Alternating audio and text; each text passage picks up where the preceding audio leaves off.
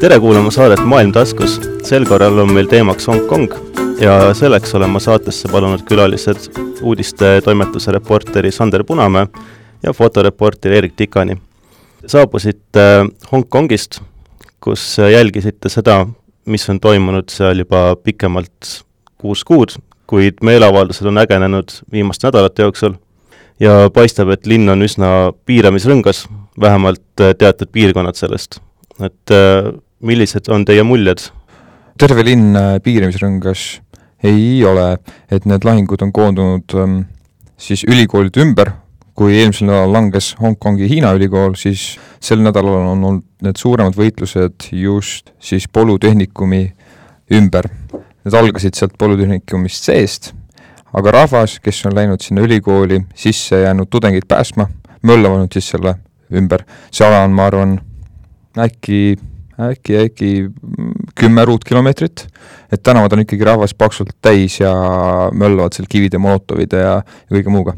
aga Sander, mis see tähendab, et langes Hiina ülikool? see tähendab siis seda, et eelmisel nädalal tudengid moodustasid endale baasi ja selleks sai siis Hongkongi Hiina ülikool, kus nad siis valmistasid Molotovi kokteile, seal oli neil oma laatsaret, politsei siis üritas seda anarhiat seal lõpetada ja sisse tungida, mis neil ka lõpuks siis õnnestus ja tagantjärgi võime nüüd täna öelda, et sealt leiti neli tuhat Molotovi kokteili. arutati, et kui neid hakkaks keegi ära viskama, siis läheks üksteist tundi aega. ühesõnaga, et tegelikult ülikoolid on muutunud täielikult kaitserajatisteks ja käibki reaalne võitlus selle nimel, kas politsei suudab võtta enda kontrolli alla need piirkonnad Nad ei suuda kõiki ülikoole enda alla võtta, tudengid. et see pigem käib, käibki niimoodi, et võetakse üks konkreetne ülikool, mis muutub omaette selliseks väikseks riigiks, selliseks kogukonnaks, kus valitseb anarhia, ja kui see langeb, siis nad liiguvad jälle uude ülikooli. vähemalt nii on see seni käinud, me ei tea, mis saab muidugi edasi. ühes ülikoolis siis tekkisid neil sisemised konfliktid õpilastel, et osa õpilasi radikaliseerus oli mingisugused plaanid äh, politsei sisse meelitada ja põhimõtteliselt neid rünnata siis äh, tulirelvade ja pommidega, noh muidugi see paljudele õpilastele ei olnud meeltmööda ja siis äh, ka sellega seoses üks ülikoolidest kolmest siis jooksis laiali. nüüd see nädal ja möödunud nädal siis koonduti, koondasid nad kõik oma jõud sellesse polütehnikumi ühesõnaga, et need õpilased, kes on praegu veel barrikaadidel, ei ole tegelikult kõige radikaalsemad?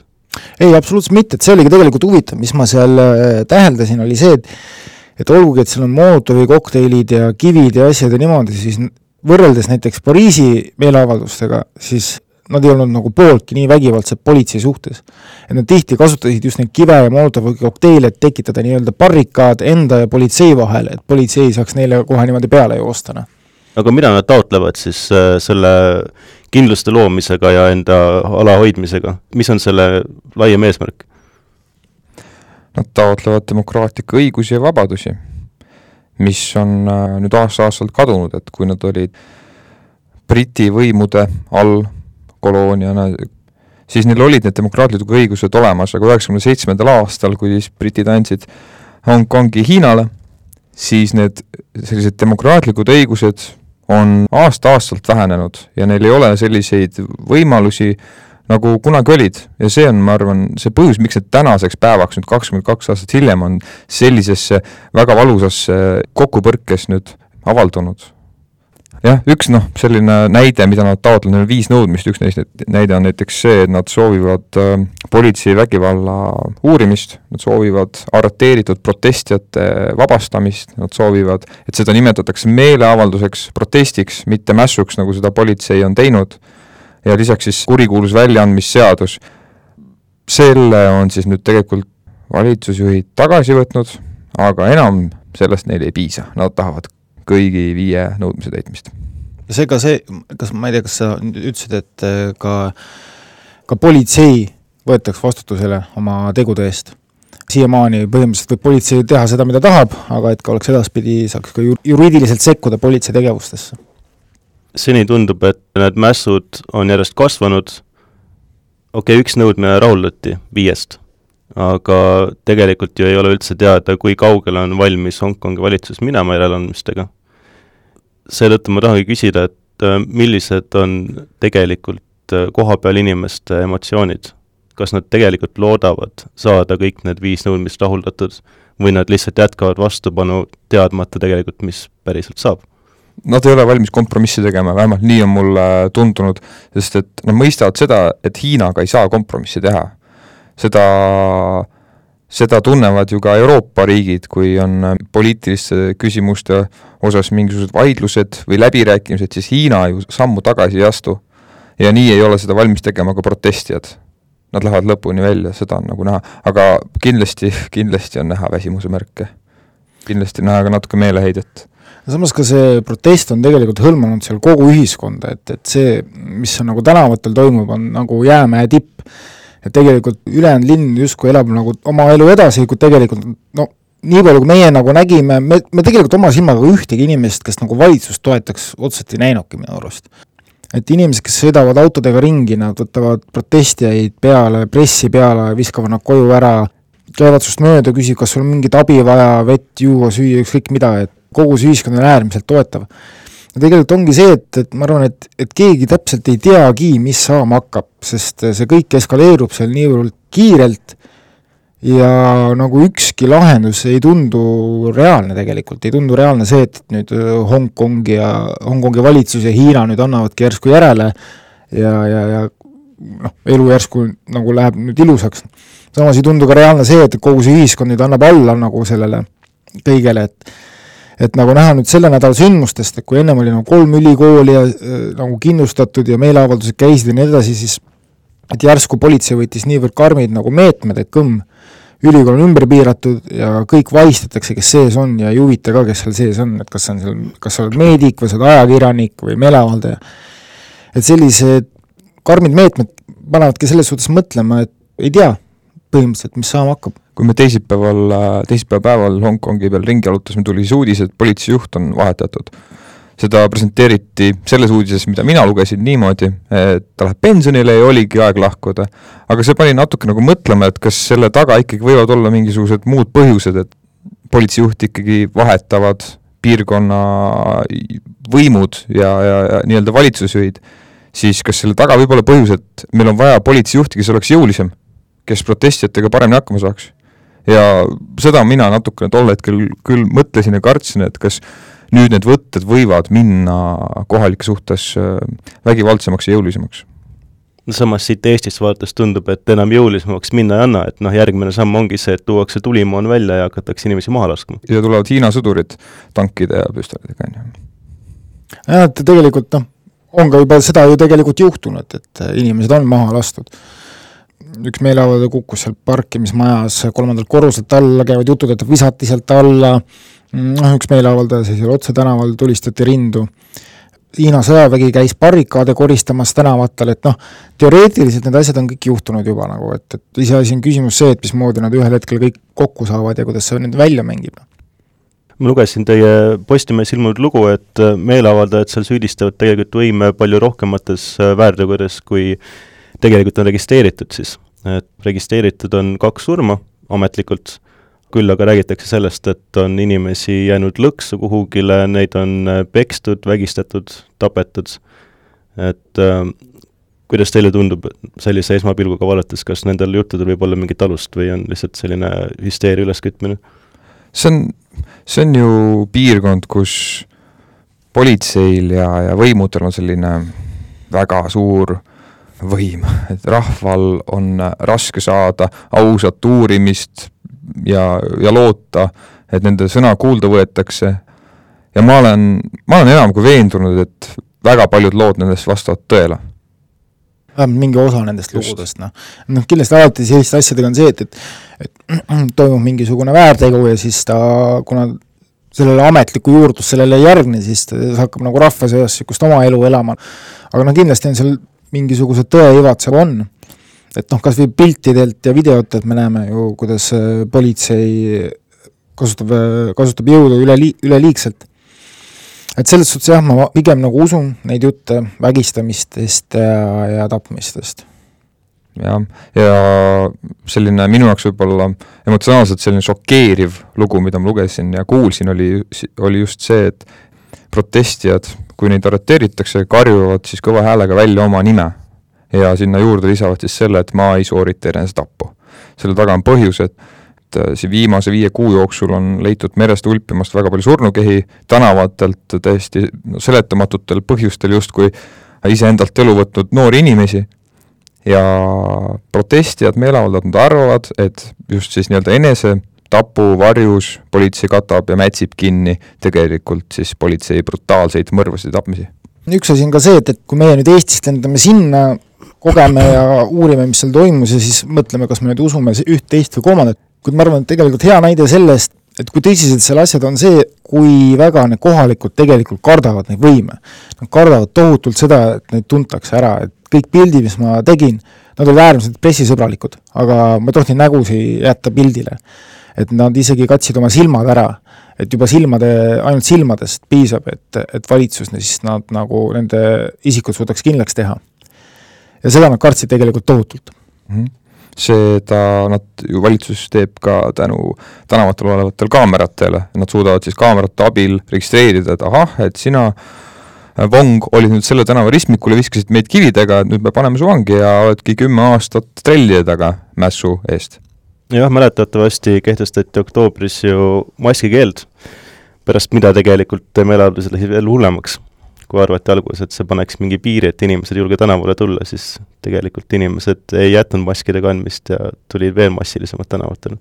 jah, ajakirjanikud omavahel rahvusvaheliste teiste foto, fotomeestega, reporteritega tegime ka nalja, et, et no nii, et me oleme nüüd kurikaelad, mask on ees. aga nüüd siis sel nädalal ma saan aru, et nii-öelda kõrgema astme kohus justkui tühistas selle seaduse, et praktiliselt sel päeval vist, kui me saabusime ja. sinna või midagi taolist oli nagu et, et selles ajavahemikus jah, kõrgem kohus selle tühistas. napilt pääsesite? muidu oleks saanud ka mingisuguse kriminaalkaristuse? aa jah, põhimõtteliselt küll, jah. jah, ja me olime tegelikult ju see ülikool, see Polütehnikumi ülikool, kus me pühapäeval viibisime terve päeva ja kust me tegelikult siis lõpuks napilt välja pääsesime, sest et me ei julgenud seal lihtsalt enam olla, me kartsime päriselt elu pärast ja me kartsime arreteerimist, et see oli ju kuulutatud mässutsooniks. Ja kui tuleb sulle uudis, et nüüd kõik, kes seal ülikoolis sees on, et me arreteerime Äh, me teid nüüd siis arreteerime, me päriselt kartsime seda, see ei ole siis, see on siiski nagu Hiina keskvõimu all olev ja kontrolli all vähemalt suures osas olev piirkond, ei tea, mis seal võib saada. kuidas teil nii hästi läks, ma lugesin ka teie loost, et sisuliselt pääsesite ainult dokumentide ettenäitamisega, aga inimesi hakati juba ära viima vaikselt. jah, et see tegelikult eskaleerus hästi kiirelt ja niisugune paanika oli nagu ärme tekkima, sest et senimaani käis ülikoolis sisse-välja liiklus, käis vastavalt kontrollpunktidele siis, mida siis need õpilased ise mehitasid, täpselt sellist kontrollpunkti saime ka meie sisse, kuid õhtul sealt üritades lahkuda, me saime aru, et me oleme tegelikult ümber piiratud, et politsei on kõik need sisse- ja väljapääsud üles leidnud ja kinni pannud. Ja ei lase kedagi ei välja ega sisse. et oli paar korda üritasime minna kuhugi politsei poole, meile tõmmati prožektoriga tuli peale ja hakati karjuma midagi ja mille peale me lihtsalt jooksime minema samal õhtul siis äh, hakkasid tulema nagu erinevad teated, et teade, üks teade oli selline, et kui nüüd alla ei anta, siis politsei võt-, äh, hakkab kasutama teravmoona. siis oli jutt, et nad teevad lihtsalt täieliku tormijooksu kogu sellele campusele ja kõik, kes ette jäävad, ma ei tea, kas vahistatakse või lihtsalt lüüakse maha, siis käisid jutud, et okei okay,, press saab välja, sellest väravast hakkame sinna väravasse minema, tuleb, tuleb järgmine sõnum, et ei, see värav on kinni, lastakse pipragaasi ja ei lasta pressi ka välja ja kõik vahistatakse, noh mis oligi see, et mis meid lõppkokkuvõttes päästis, oligi see, et me olime eurooplased. et eh, seesama politsei kontrollpunkt, kus me nii-öelda alla andsime, ennast kätte andsime, siis samal ajal, kui meie olime rätsepistes maas ja me, meid, meie dokumente kontrolliti, siis kümme meetrit kõrval olid eh, eakad sellised meditsiinitöötajad ja kohalik press, kes siis käed selja taha seotuna ühises kolonnis eh, minema viidi no ja kui te seal barrikaadidel käisite ringi ja vaatasite, kuidas meeleavaldajad äh, valmistavad ette Molotovi kokteile ja ise valmistatud katapulte, siis mis tunne selles mõttes jäi, et kas, kas need vahendid on piisavad üldse selliste jõudude tegelemiseks? sest äh, politseil on ju veekahurid, neil on igasugused kõrgtehnoloogilised relvad, rääkimata siis teravmoonast. kui sa võtad lihtsalt puhtalt jõud versus jõud, ütleme nüüd, võtangi seesama ülikooli linnaku ja politseijõud, siis ma ütleks, et tegelikult jõud olid selles suhtes võrdsed, et õpilasi oli palju ja politseid oli palju, Molotovi kokteile oli palju ja kõike, on ju, vibusid just neid samu kive ja seda. kui tegelikult äh, lõppkokkuvõttes küsimus jõuab selleni, et kes kui palju julgeb teha. politsei võttis äh, nüüd nii-öelda initsiatiivi enda peale, siis paljud õpilased tahtsid põgeneda et kui kõik õpilased justkui üks mees oleksid valmis nüüd nii, kõik, nüüd kasutame kõik ära, mis meil siin on ja paneme surmani välja, no siis ma arvan, et praegu politseil see operatsioon kindlasti nii lihtsalt ei oleks läinud, kui ta praegu läks. tehniliselt jah, ma arvan, et jõud olid äh, suhteliselt võrdväärsed, kuid reaalsus on see, et, et paljud õpilased on alaealised, neljateist-viieteistaastased, ja kui olukord läheb tõesti väga tõsiseks, siis ikkagi e-, esimene eesmärk on ellu jääda eks see natuke ole ka niimoodi, et kui näiteks protestijad teevad sellise väga terava sammu, siis politseinikud vastavad sellele omakorda natuke jälle teravamalt. ja, ja kui siis protestijad taaskord jälle üritavad siis ületada ja nii-öelda suruda politseinikke jõulisemalt tahapoole, siis küll nad toovad neid lisajõude sinna Nad on, neil on tegelikult ju varuks väga palju inimesi, neil on terve Hiina, kust äh, politseijõude tuua, nad on juba väidetavalt siis infiltreerunud nende märulipolitseinike hulka, seda öeldakse siis nende keeleoskusest, et nad ei räägi kohalikku kantoneesi keelt, nad ei tunne tänavaid sealseid, et seda, seda on vahepeal nagu aru saada protestijate sõnul, et nad ei ole kohalikud mehed. ja ma kardangi nagu või arvan natuke seda, et kui see asi niimoodi edasi läheb, selline kahepoolne suhtlus nende Molotovide ja kummikuulidega, siis ta võib ühel hetkel ikkagi liialt suureks paisuda ja siis sel hetkel, kui politsei tuleb ikkagi päris relvadega, siis ei ole ju tudengitel midagi teha. jah, siis ega tagasiteed justkui ei ole. ma ise mõtlen seda siit kaugelt Eestis vaadates, et nagu sa ütlesid, seal on väga noored inimesed. et mismoodi see täpsemalt välja näeb, siis et nad ütlevad enda vanematele, et tšau, emme, issi, et ma nüüd lähen barrikaadidele ja te ei näe mind järgmised kuu aega võib-olla kuidas sellele heakskiitu antakse või lihtsalt inimesed võtavadki oma kätte selle kõik ja lähevad ja teevad nii, nagu ise heaks arvavad ja seal mingit toetust taga ei ole? kindlasti on perekonniti hästi erinev see asi, et ma olen, ma arvan, et on palju perekondi, kus laps on äh, nii-öelda demokraatiameelne ja, ja võitleb selle nimel samal ajal kui vanemad on näiteks siis Pekingi, Pekingi poole peal. Ja lähevad salaja ja siis ma arvan, et on ka selliseid perekondi, kus nad on tead, kolmekesi, neljakesi seal tänavatel ja möllavad, et võib-olla seda on raske üldistada, kuidas see asi täpselt käib. aga mind võib-olla hämmastas kõige rohkem see, et äh, seal on selline kollektiivi mentaliteet ikkagi niivõrd tugev, seda, kuidas nad suudavad ülikooli hoida töös lahingubaasina, ilma et seal keegi konkreetselt juhiks, et sina tee nüüd seda ja toda, aga, aga millegipärast ju kuidagi need tuhanded õpilased suutsid seda asja käimas hoida Molotovi kokteile sõrmenipsust käest kätte kuskilt teisest tänava otsast rindele saata, see oli minu jaoks kõige hämmastavam, söökla toimis täiesti suurepäraselt. mina ikkagi võrdlen seda söökla toitlustust äh, natuke laulupeoga, et et seal oli tuhandeid inimesi ja kui meie Eestis valmistume, et selleks kuid, et need ära toitlustada, siis need tudengid said sellega ju paari päevaga hakkama.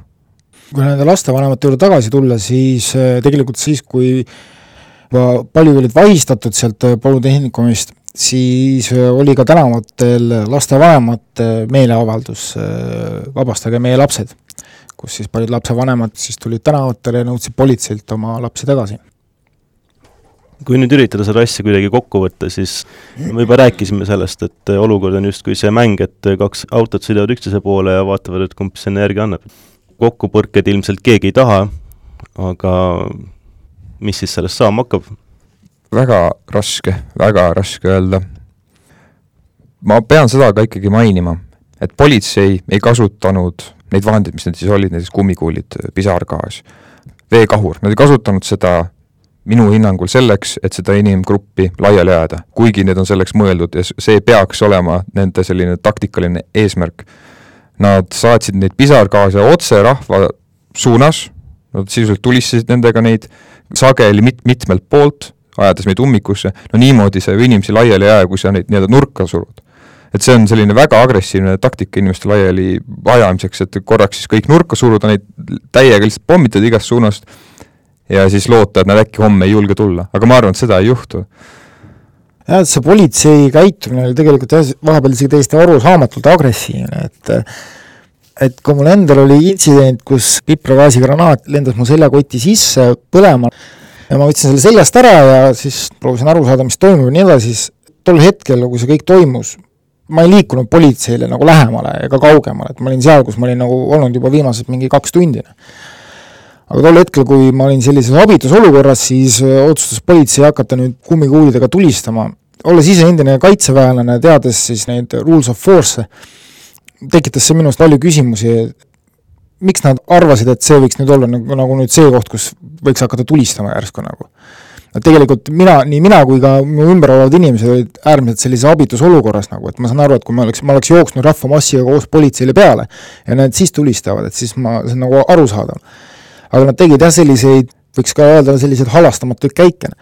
et samamoodi, et kui see rahvas siis protesteeris ülikooli ees, siis oli üks konkreetne majanurk, kus ütleme niimoodi, et oli kümme-viisteist neoonvestidega ajakirjanikku, siis sõitis politsei vee ja selle sinise mürgise vedelikuga varustatud buss sõitis sinna nurga juurde ja lihtsalt kogu voolikust lihtsalt äh, lasi seda sinist mürgist vedelikku ainult pressiinimeste peale, noh. korduvalt, see oli korduvalt tuli ja, ja jah, suunas otse peale, jah. et see ei olnud nagu olukord, kus sa saad vigastada, olles meeleavaldajate seas, vaid see press hoidis konkreetselt ühte kampa, oli ühes kambas eemal ja politsei konkreetselt ründas neid, noh. et selliseid asju Euroopas ikka ei näe, noh. jah, ma nägin, et sinu enda kott tuuldus seal Postimehe rõdu peal ja siis mulle öeldi, et kui midagi kätega teha, kui seda kotti puudutada, siis peaks igaks juhuks käed ära pesema, et see on ikkagi niivõrd mürgine.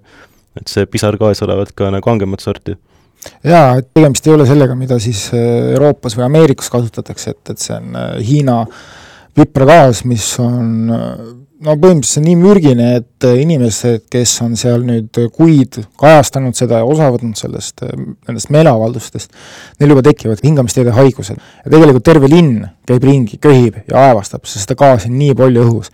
on hakatud märkama, et on palju surnud linde, kes lihtsalt surevad selle mürgi, mürgistuse kätte ära ja kohalikud, ütleme nii, protesteerijate selline äh, asjapulgad soovitasid nii minul kui Sandril Eestisse tulles minna kindlasti arsti juurde kontrolli. käisite ära? ei ole veel käinud.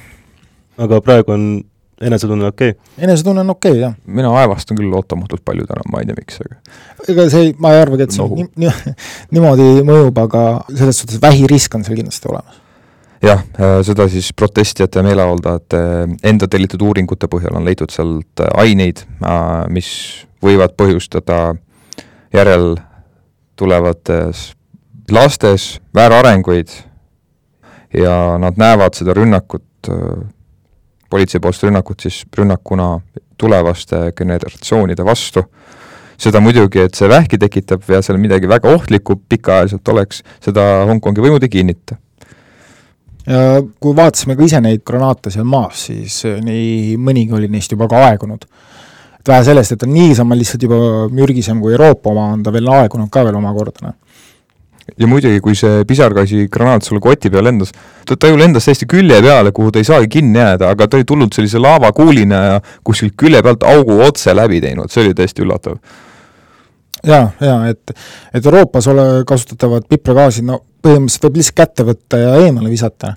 aga need Hiina omad on nii kuumad, et ta näiteks sulab läbi äh, teekattemärgistusest, sellest valgest värvist, ta sulab läbi kuni asfaldini. kui sa nüüd võrdleksid enda kogemusi Prantsusmaal kollaste vestide mässudega, praegu nüüd nendega, mis Hongkongis toimuvad, kuidas see hinnang on, et mulle teie jutust jääb mulje justkui, et kollavestide mässud olid rohkem laupkokkupõrked ja praegu, mis Hongkongis toimub, on rohkem nagu positsioonide hoidmine, et toimub selline natukene nügimine ühelt teiselt poolt, aga samas otseselt sellist mäsu igapäevaselt ju pidevalt ei toimu, et on mingid teatud kellaajad, kui see asi hakkab aktiviseeruma ja siis tõmmatakse tagasi jälle. jaa, et jah, just veel Prantsusmaaga võrrelda, et, et äh, Pariisis ja ülejäänud Prantsusmaal siis oligi tegelikult kogu aeg see äh, olukord oli nii-öelda politsei kahjuks. et me oleme Euroopas, kõik pildistavad, kõik filmivad, meil inimestel on äh, toodud õigused, kõik just tahavadki seda, et et põhimõtteliselt, kui sa viskad politsei telliskiviga näkku ja ta selle peale sind kumminuiaga lööb, siis öeldakse police brutality, on ju.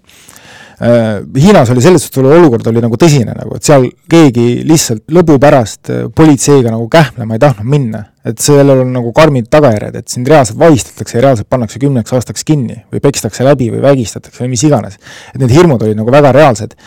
et Prantsusmaal tegelikult rahvas just kasutas ära seda politsei nii-öelda nõrkust ja omaenda õigusi, et äh, politsei ei julgenud nii palju siis, äh, nii vägivaldselt reageerida. aga nüüd selle igapäevase elu kohta siis äh, Pariisis käidi koos nädalavahetuseti, aga Hongkongis käiakse iga päev ja need maa-alad ja mastaabid on nagu kordades suuremad. et see on tõesti kümme ruutkilomeetrit on sul tänavatel, käib igal pool, käib möll nagu. muidugi see, et on nüüd igapäevased meeleavaldused, on täielikult uus nähtus. Äh, viimased äh, viis kuud siis käidi niimoodi, et äh, tuldi nädalavahetuseti kokku tänavatele ja tööpäevadel mindi tagasi kabinettidesse. jaa, et, et noh, see ka toob jälle uue nurga nagu sellesse liikumisse, et et enam nagu meeleavaldus ei ole meeleavalduse pärast, vaid neil on nüüd just nüüd viimasel nädalal ja niimoodi on, neil on tekkinud mingi konkreetsed strateegilised eesmärgid. et võtta politsei tähelepanu enda peale, et õpilased saaksid ülikooli linnakust põgeneda näiteks. et see on muutunud selliseks eh, strateegiliseks kas sellel liikumisel on ka mingisugused juhid tekkinud, sest eh, pikalt oli see täiesti selline rohujuure tasandil koordineeritud tegevus? kui on, siis nad, me ei tea nendest ja nad varjavad ennast väga-väga kiivalt seal on teatud sellised kuulsused, kes on mingisuguste sõnavõttude või, või tegemistega tähelepanu pälvinud, aga nad ei ole otseselt juhid, sest et kui, kui sellisel võimu vastu tegutseval äh, grupil oleks juht või selge liider, kes seda kõiki asju koordineerib, siis võimu tuleks väga lihtne teda eemaldada on mingid nagu eeskujud või, või mingid jah, niisugused sotsiaalmeedia mingisugused eeskujud ja, ja aga kes noh, tegelikult ei juhi kedagi nii-öelda põllu peal. jah, üks selline võib-olla niši autoriteet või selline sümbol oli seal üks seitsmekümneaastane noh, selline vanemaealine härra, kes äh, rinde ette läks ja tooli maha pani ja lihtsalt sinna maha istus. ja see oli siis nagu tema selline protestiaktsioon ja, ja, ja seda nagu väga hinnati nii ajakirjanike kui protestijate poolt. meie teda tegelikult ei näinud, oli see oli siis see jutt, mida me kuulsime. mul õnnestus suvel rääkida ühe Hongkongi ülikooli professoriga siin Tallinnas, kes ütles, et et nende toonane moto oli ole nagu vesi. ehk siis mine sinna, kuhu sa saad minna ja tõmba tagasi, kui on vaja tagasi tõmmata. et ma ei tea, kas te nii filosoofilistesse aruteludesse laskusite, aga kas äh, praegu on äh, protestijatel äh, mingisugune uus selline eesmärk või mingisugune moto, mida nad jälgivad, et võib-olla nad ei ole enam nagu vesi, vaid selle ülikooli hoidmise koha pealt võib-olla ei ole, sest et neid ju suruti sealt minema, nad ei läinud, nad ei läinud, nad ei läinud, lõpuks neid nii-öelda siis blokeeriti sinna ülikooli sisse, no vesi oleks sealt ammu ära läinud, ütleme niimoodi. et võib-olla selles konkreetses, selles ülikooli juhtumis saab öelda, et nad on oma seda mm, taktikat, strateegiat muutnud. aga muidu on ikka, täpselt niimoodi see käibki, et et kuskil vaba pind seal selle kümne ruutkilomeetri kohal tekib kuskil tänaval, nad lähevad sinna vastu politseile ja siis politsei tuleb jälle peale ja nad panevad, paneme täiega jooksu. et see, niimoodi see nagu rütm käis kogu aeg, selline liikumine mööda tänavaid, kuskil vaba hetk on või, või suund, sinna me läksime aga mis selle territooriumis hoi-, hoidmise eesmärk on, et äh, noh, ilmselgelt sa ei saa väga palju midagi ära teha, kui sa oled seal ülikooli campuses kinni. seal on ka iga, iga tööpäev, seal lõuna ajal on sellised rahumeeste meeleavaldused siis olnud, aga neid ei lubata. Ja mina saan aru, et see kõik ongi sellest ikkagi paljuski pihta hakanud, ei lubata seal tänaval olla, minge laiali, me ei taha teid siia, me ei taha teid kuulata ja, ja ma arvan, et see on üks selline oluline eesmärk, et nemad tahavad meelt avaldada ja see on selline väga põhimõtteline eesmärk tegelikult, et äh, demokraatlikus riigis võiks ju olla inimestel võimalus meelt avaldada. no ja eks neil terendab muidugi silme ees ka see kurb aastanumber kaks tuhat nelikümmend üheksa, et tagasimineku teed justkui ei ole. et äh, Hiina ju peaks üle võtma, aga Hongkong teatavasti ei ole Hiina. jah, nad ikkagi Nad ei taha iseseisvust, see vajab markeerimist. Nad lihtsalt soovivad nende viie nõudmise täitmist ja et Hiina ootaks selle aastanumbri ära mm. -hmm. aitäh, Eerik, aitäh, Sander ja järgmise korrani! aitäh!